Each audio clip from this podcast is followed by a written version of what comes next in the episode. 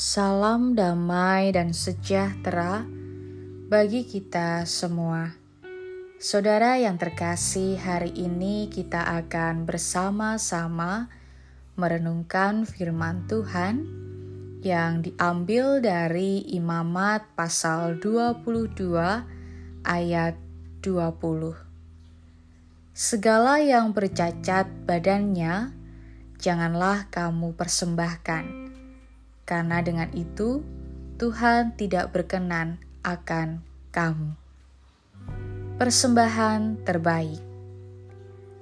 Ada kisah seorang anak kecil yang merasa jengkel dengan ibunya ketika melihat ibunya yang suka membagikan pisang hasil kebun kepada tetangga dan teman-temannya. Bukan masalah berbaginya, tetapi karena yang diberikan adalah pisang terbaik dari hasil panen. Dan anak kecil ini jengkel karena ia kebagian pisang yang kurang baik. Hukum Taurat mengatur persembahan kepada Tuhan begitu detail. Persembahan binatang yang dikenan Tuhan adalah binatang yang tidak bercacat celah, bebas dari segala cacat fisik tidak terluka atau berpenyakit, tidak dikebiri. Binatang yang umurnya kurang dari delapan hari juga tidak dapat dipersembahkan. Pengaturan persembahan ini menunjukkan pentingnya motivasi seseorang dalam menghampiri Tuhan. Persembahan yang sempurna menjadi gambaran keseriusan umat dalam menjaga kekudusan Allah. Tuhan yang kudus meminta umat juga hidup kudus dalam segala hal. Saat ini tentu kita tidak perlu lagi mempersembahkan seperti apa yang dihukum Taurat. Namun Yesus mengajar kita supaya memberikan diri sebagai persembahan bagi Tuhan. Persembahan yang hidup, yang kudus, yang berkenan kepadanya. Persembahan sejati ini bukan hanya wujud dalam ritual ibadah, melainkan juga dalam sikap hidup kepada sesama. Kita belajar mengasihi sesama dengan kasih yang tulus dan murni, tanpa kemunafikan. Bukan kasih sebatas bibir, tetapi meluap dari kedalaman hati. Mari kita memberikan persembahan yang terbaik bagi Tuhan. Tuhan Yesus memberkati. Amin.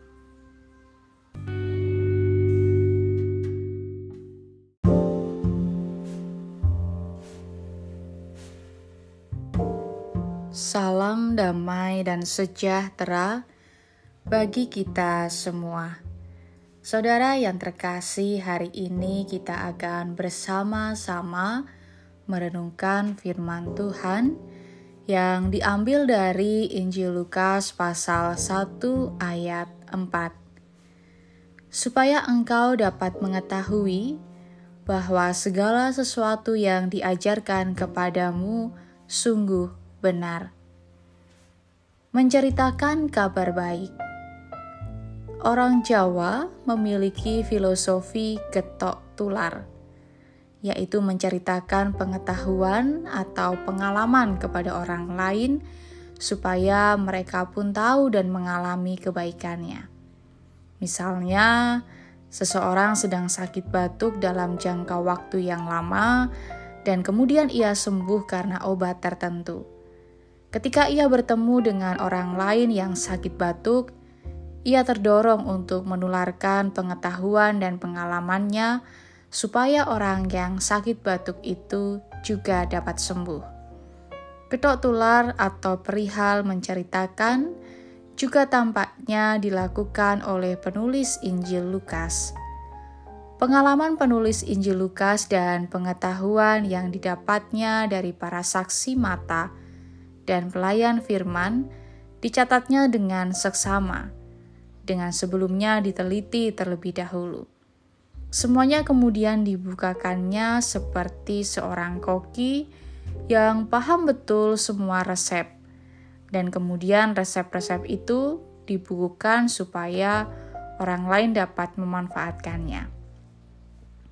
Yang menarik bagi kita apa yang ditularkan atau dibagikan oleh penulis Injil Lukas bukan sekedar informasi seperti laporan seorang wartawan, melainkan apa yang dibagikannya adalah kebenaran, supaya engkau dapat mengetahui bahwa segala sesuatu yang diajarkan kepadamu sungguh benar. Belajar dari penulis Injil Lukas, kita patut bertanya, apakah juga ada kerinduan dalam diri kita untuk membagikan kabar baik dan kebenaran yang telah kita ketahui dan alami dalam hidup kita kepada orang lain?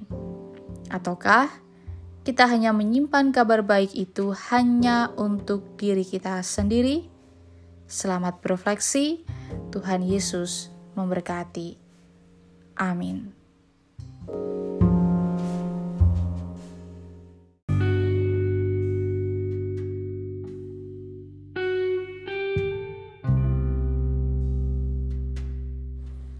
Salam damai dan sejahtera bagi kita semua. Saudara yang terkasih, hari ini kita akan bersama-sama merenungkan firman Tuhan yang diambil dari Ibrani pasal 11 ayat 1.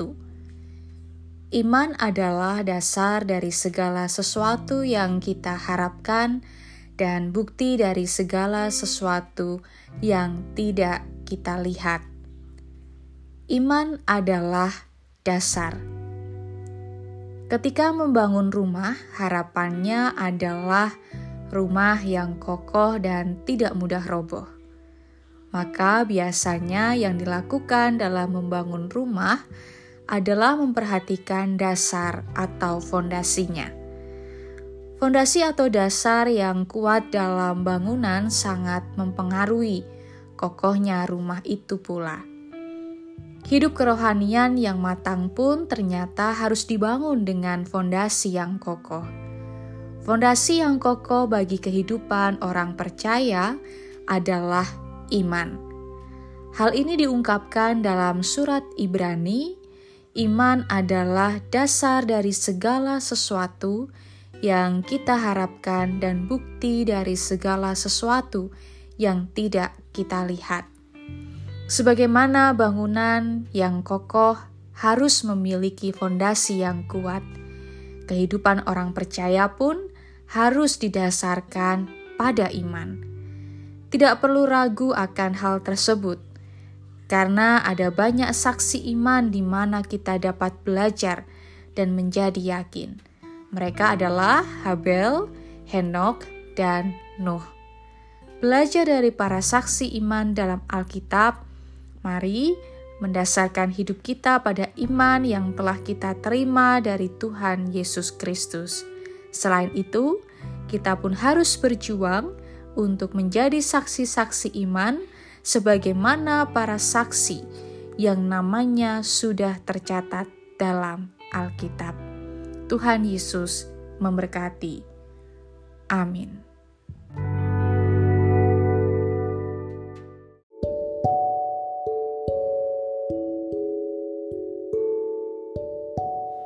Salam damai dan sejahtera bagi kita semua.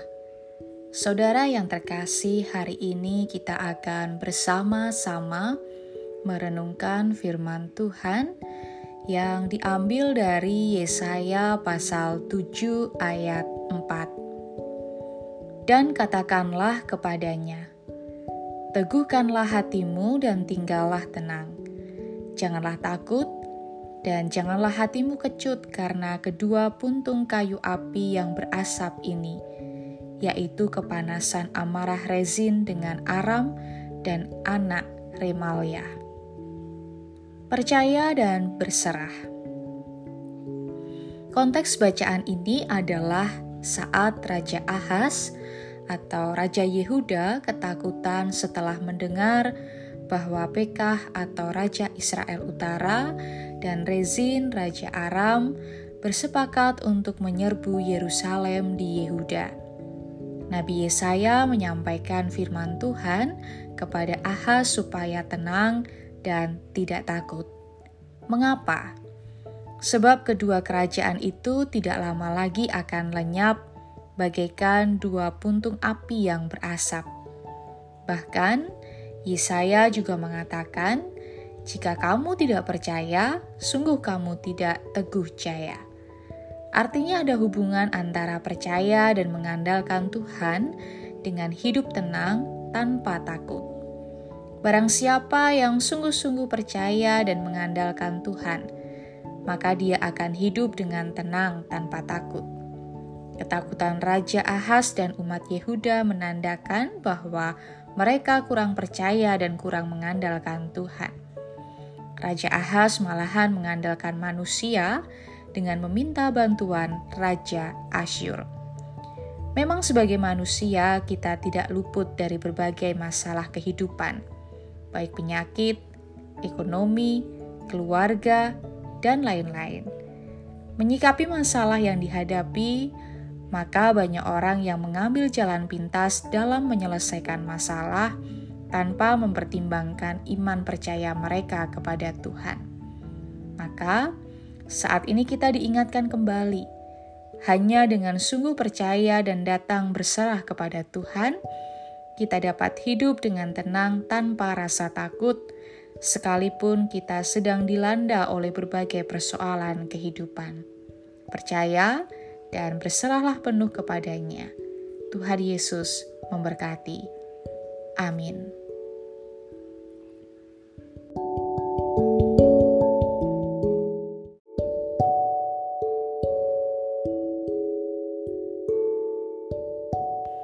Salam damai dan sejahtera bagi kita semua. Saudara yang terkasih, hari ini kita akan bersama-sama merenungkan firman Tuhan yang diambil dari Injil Matius pasal 12 ayat 33. Jikalau suatu pohon kamu katakan baik, maka baik pula buahnya Jikalau suatu pohon kamu katakan tidak baik, maka tidak baik pula buahnya. Sebab dari buahnya pohon itu dikenal. Pohon yang baik. Di dalam ilmu pertanian, untuk menghasilkan buah yang baik, salah satu cara yang bisa dilakukan adalah okulasi dengan pohon yang baik. Perubahan itu harus dimulai dari pohonnya, dari dalam menuju keluar. Mustahil jika merubah dulu buahnya menjadi baik, maka pohonnya akan ikut baik. Banyak orang beranggapan bahwa kepala manusia yang di dalamnya terdapat otak dan saraf-saraf penting lainnya menjadi pusat dan pengatur kegiatan manusia. Dari bacaan di atas, ternyata Alkitab mengatakan bahwa pusat kehidupan manusia adalah hati. Hatilah mempengaruhi otak manusia, yang kemudian mempengaruhi bagian yang lain. Hati mempengaruhi seluruh perasaan dan perilaku seseorang. Apa yang diucapkan mulut meluap dari hati. Di balik setiap ucapan ada motivasi, entah positif maupun negatif. Apa pun motivasinya, Allah mengetahui dan menilai. Lalu, pada akhirnya akan membuat suatu perhitungan atas motivasi dari perkataan itu. Tuhan Yesus mengatakan bahwa orang Farisi seperti keturunan ular beludak. Ular beludak adalah ular dengan diameter yang tidak besar, tidak panjang, kulitnya indah dan licin, tetapi lidahnya penuh bisa yang mematikan. Dari luar tampak indah, tetapi di dalam penuh kebusukan yang mematikan. Pohon ibarat hati, perkataan dan perbuatan adalah buahnya. Mari kita melekatkan hati kita kepada Allah sebagai pohon kehidupan. Kita okulasikan hati kita pada hati Allah. Bila roh Allah berkuasa dalam hati kita, maka bahasa yang kita pakai adalah bahasa yang membangun dan perbuatan kita bisa menjadi berkat bagi ciptaan Tuhan yang lainnya. Tuhan Yesus memberkati. Amin.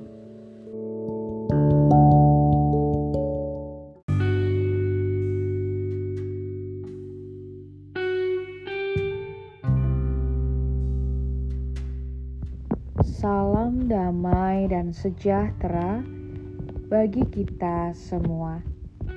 Saudara yang terkasih, hari ini kita akan bersama-sama merenungkan firman Tuhan yang diambil dari 1 Tesalonika 2 ayat 13. Dan karena itulah kami tidak putus-putusnya mengucap syukur juga kepada Allah. Sebab kamu telah menerima firman Allah yang kami beritakan itu, bukan sebagai perkataan manusia, tetapi dan memang sungguh-sungguh demikian sebagai firman Allah yang bekerja juga di dalam kamu yang percaya senantiasa mengucap syukur. Banyak alasan orang mampu mengucap syukur. Bisa jadi ia mengucap syukur karena sembuh dari sakitnya, karena pekerjaan yang berhasil, keluarga yang rukun dan kecukupan, dan masih banyak alasan lainnya. Apa alasan Paulus mengucap syukur? yang tidak putus seperti yang dikatakan dalam ayat 13 ini. Alasannya adalah firman Tuhan telah bekerja di tengah-tengah jemaat Tesalonika. Jemaat telah menjadi penurut jemaat-jemaat Allah di Yudea. Jemaat Tesalonika berusaha menjenguk Paulus. Jemaat Tesalonika telah menjadi sukacita dan kemegahan Paulus di hadapan Tuhan. Paulus mendapatkan sukacita yang membuat ia tidak putus untuk mengucap syukur kepada Tuhan. Jerih lelahnya mengabarkan Injil, walaupun tidak mudah membuat ia tidak gentar, karena melihat respon iman dan kesungguhan jemaat Tesalonika dalam mengikut Tuhan. Saudara yang terkasih, mengucap syukur yang tidak pernah berhenti adalah tanda bahwa seseorang tidak pernah melupakan kasih dan pemeliharaan Tuhan. Bahkan, hari baru yang akan dilalui pun akan ditempuh dengan penuh syukur. Rasakanlah damai, ketenangan, dan kerelaan menjalani hari-hari bersama dengan Tuhan akan semakin terasa. Maka, bersyukurlah senantiasa kasih dan pemeliharaan Tuhan tidak terbatas di dalam kehidupan kita. Tuhan Yesus memberkati. Amin.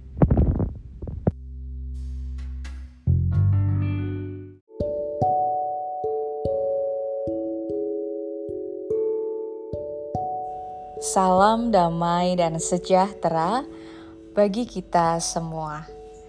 Saudara yang terkasih, hari ini kita akan bersama-sama merenungkan firman Tuhan yang diambil dari Zakaria pasal 8 ayat 13. Dan kalau dahulu kamu telah menjadi kutuk di antara bangsa-bangsa, hai kaum Yehuda dan kaum Israel, maka sekarang aku akan menyelamatkan kamu, sehingga kamu menjadi berkat Janganlah takut, kuatkanlah hatimu.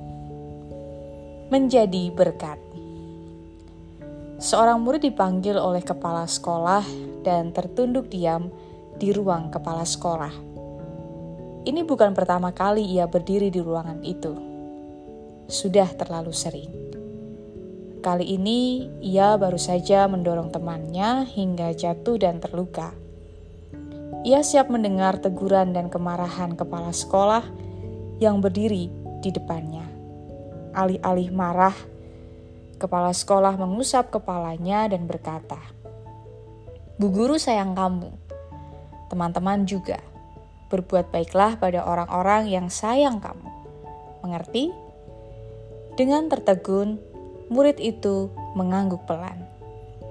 Saudara yang terkasih, dalam bacaan kita, Zakaria menyampaikan firman Tuhan kepada Israel yang berisi kabar pemulihan.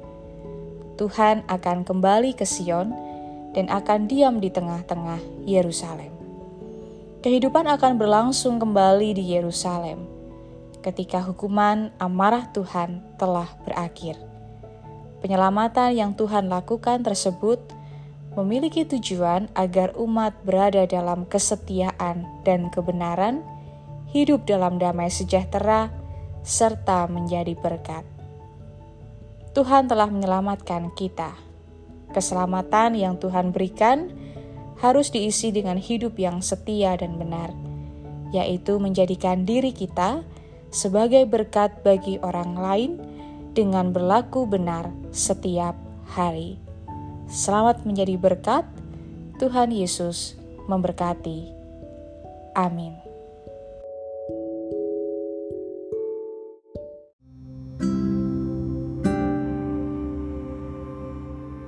Salam damai dan sejahtera bagi kita semua. Saudara yang terkasih, hari ini kita akan bersama-sama merenungkan firman Tuhan yang diambil dari Lukas 1 ayat 46 dan 47. Lalu kata Maria, Jiwaku memuliakan Tuhan dan hatiku bergembira karena Allah juru selamatku. Memuliakan Tuhan. Dalam ayat ini merupakan Kidung Maria Mari kita membayangkan sejenak apa yang ada di dalam hati dan pikiran Maria setelah melakukan perjalanan jauh dari Nazaret ke pegunungan tinggi Yudea. Sekalipun lelah, Maria diliputi sukacita dan syukur. Wujud kesetiaannya kepada Allah diungkapkannya dalam kata-kata pujian dengan sikap rendah hati. Jiwaku memuliakan Tuhan. Jiwa adalah pusat dari keseluruhan kehidupan seseorang. Artinya, seluruh kehidupan Maria adalah untuk memuliakan Tuhan. Maria sadar bahwa Allah sangat memperhatikan dirinya yang rendah. Kelahiran Mesias dari keturunan Daud itu pasti didambakan semua orang Israel. Semua perempuan berharap Mesias lahir dari rahimnya dan ternyata Allah telah memilih Maria sebagai jalan Sang Mesias ke dalam dunia ini. Maria menyadari bahwa ia dipilih bukan karena kebaikannya, melainkan karena rahmat dan kasih karunia Allah semata-mata. Selalu ada alasan bagi setiap orang untuk memuliakan Tuhan. Bila Maria memuliakan Tuhan karena Tuhan memakai rahimnya untuk melahirkan Sang Mesias, maka saat ini, apakah alasan kita untuk memuliakan Tuhan?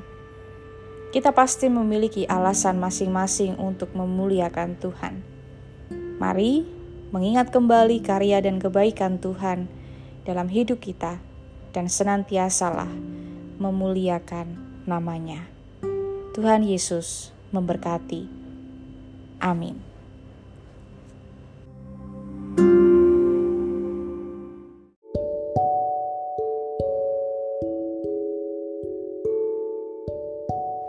Salam damai dan sejahtera bagi kita semua. Saudara yang terkasih, hari ini kita akan bersama-sama merenungkan firman Tuhan yang diambil dari 2 Korintus pasal 4 ayat 16. Sebab itu kami tidak tawar hati, tetapi meskipun manusia lahiriah kami semakin merosot, namun manusia batiniah kami dibaharui dari sehari ke hari. Melatih kehidupan rohani. Menghadapi berbagai pergumulan lanjut usia tidaklah mudah bagi sebagian orang. Usia lanjut diperhadapkan dengan semakin menurunnya berbagai kemampuan tubuh. Daya ingat berkurang, tubuh melemah, pendengaran mengecil, berbicara mulai tidak jelas, badan sering sakit adalah sebagian dari pergumulan menjadi lansia. Belum lagi berbagai jenis pekerjaan dan pelayanan yang kurang dipercaya lagi. Usia lanjut tidak dapat dipungkiri. Masa itu akan datang kepada semua orang jika Tuhan berkenan memberikan panjang umur. Pada bacaan kita saat ini, Paulus menyadari kekuatannya merosot dan kelemahan datang kepadanya karena sakit, sehingga tubuhnya pun melemah. Walaupun demikian, dia mampu mengatakan bahwa dia tidak tawar hati. Karena sekalipun manusia lahiriahnya merosot, manusia batiniahnya terus diperbaharui. Paulus mengatakannya bukan sekedar bermanis mulut menghibur jemaat Korintus, melainkan karena pengalaman imannya sendiri yang telah menghadapi berbagai tantangan. Kekuatan batin itu dimiliki Paulus karena ia tidak terpana pada apa yang fana atau yang kelihatan, melainkan fokus pada apa yang kekal. Tubuh jasmani kita dapat menjadi lemah, tetapi kita dapat melatih rohani kita untuk terus memperbaharui diri dari hari ke hari, sehingga tetap segar, bersuka cita, berpengharapan di dalam Tuhan. Tuhan Yesus memberkati. Amin.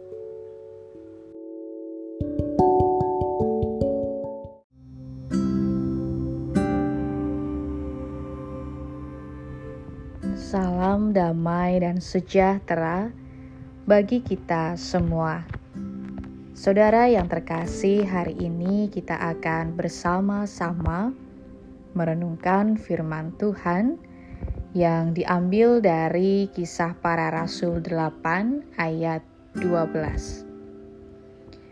Tetapi sekarang mereka percaya kepada Filipus yang memberitakan Injil tentang kerajaan Allah – dan tentang nama Yesus Kristus, dan mereka memberi diri mereka dibaptis, baik laki-laki maupun perempuan. Percaya dengan sepenuh hati. Kebanyakan dari kita akan kagum dengan hal-hal besar dan spektakuler. Bahkan dalam Alkitab pun juga demikian. Banyak orang kagum dengan peristiwa spektakuler misalnya penyembuhan orang sakit, pengusiran setan, dan lain sebagainya. Dalam bacaan kita, ketika Filipus berkarya di kota Samaria, sebelumnya sudah ada Simon yang melakukan hal-hal spektakuler, dan hal itu yang membawanya menjadi dikenal oleh banyak orang. Simon disebut ahli sihir pada saat itu dan membuat takjub rakyat Samaria dengan perbuatan sihirnya. Bahkan dikatakan, baik orang besar maupun orang kecil mengikuti dia dan menyebutnya kuasa besar. Namun, setelah mendengar dan melihat tanda-tanda mujizat yang dilakukan Filipus, penduduk Samaria berubah dan sangat bersuka cita.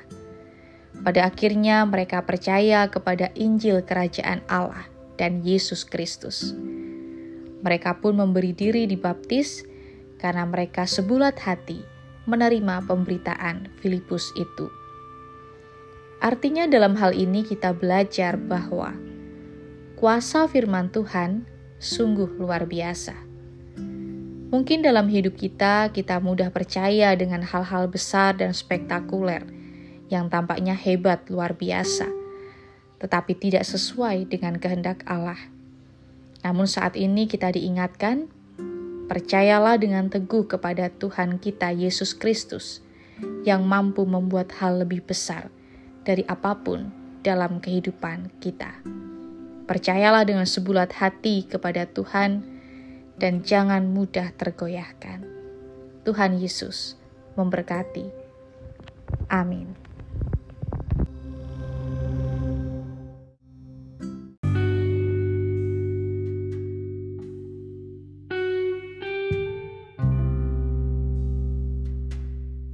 Salam damai dan sejahtera bagi kita semua.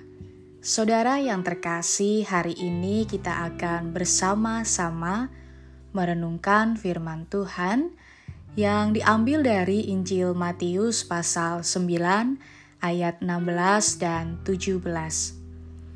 Tidak seorang pun menambalkan secari kain yang belum susut pada baju yang tua karena jika demikian, kain penambal itu akan mencabik baju itu, lalu makin besarlah koyaknya. Begitu pula anggur yang baru tidak diisikan ke dalam kantong kulit yang tua, karena jika demikian, kantong itu akan koyak, sehingga anggur itu terbuang dan kantong itu pun hancur.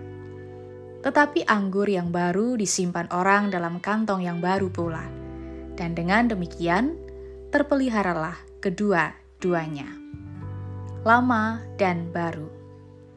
Kita selalu senang dengan hal-hal yang baru, dan bahkan sering sekali karena ada yang baru, lalu kita mengabaikan dan meninggalkan yang lama. Misalnya saja ada seorang anak yang memiliki mainan baru. Ia sangat senang, bahkan hampir setiap saat dia membawa dan memainkan mainan tersebut. Bisa jadi ia melupakan dan meninggalkan mainannya yang lama. Mungkin tidak hanya anak-anak, orang dewasa pun demikian. Pada bacaan kita saat ini konteksnya adalah tentang protesnya murid Yohanes dan orang Farisi kepada murid-murid Yesus yang tidak berpuasa seperti yang mereka lakukan. Mereka tidak terima bahwa mereka telah melakukan kewajiban puasa sementara murid Yesus tidak. Namun harus dipahami bahwa fokus puasa bukanlah tidak makan, tetapi melepaskan mata kita dari hal-hal duniawi dan berfokus kepada Tuhan, dan mereka salah dalam memahaminya. Maka Tuhan menyinggung tentang anggur yang baru dan kantong anggur yang lama. Kantong anggur itu adalah kita, sedangkan anggur baru adalah berkat rahmat, dan cinta kasih dari Tuhan sendiri. Tuhan selalu mencurahkan anggur baru yang terbaik bagi kita. Anggur baru itu akan memberi kita kekuatan dalam menjalani hidup dan dalam menekuni pekerjaan serta pelayanan kita, sehingga kita perlu menyiapkan diri untuk menerima anggur yang dicurahkan Tuhan. Jika kita masih menggunakan kantong yang lama, maka kita akan kehilangan banyak hal. Berkat yang dicurahkan Tuhan tidak bisa tertampung di dalamnya, dan semua menjadi terbuang percuma. Kantong lama memberi gambaran hati yang keras, hati yang tidak bertobat. Kantong ini memuat berbagai hal negatif, adanya egoisme, iri hati, dendam, kebencian, dengki, fitnah, kebohongan, dan lain sebagainya. Kantong lama kita perlu diganti dengan kantong yang baru. Kantong baru ini adalah hidup kita yang telah diubahkan Tuhan, yang sudah mengalami perubahan hidup dan pertobatan. Hidup dalam pertobatan adalah hidup yang penuh dengan kesabaran, kemurahan hati, sukacita, dan kejujuran. Maka, milikilah kantong baru sehingga kita siap menerima anggur baru yang selalu Tuhan curahkan. Tuhan Yesus memberkati. Amin.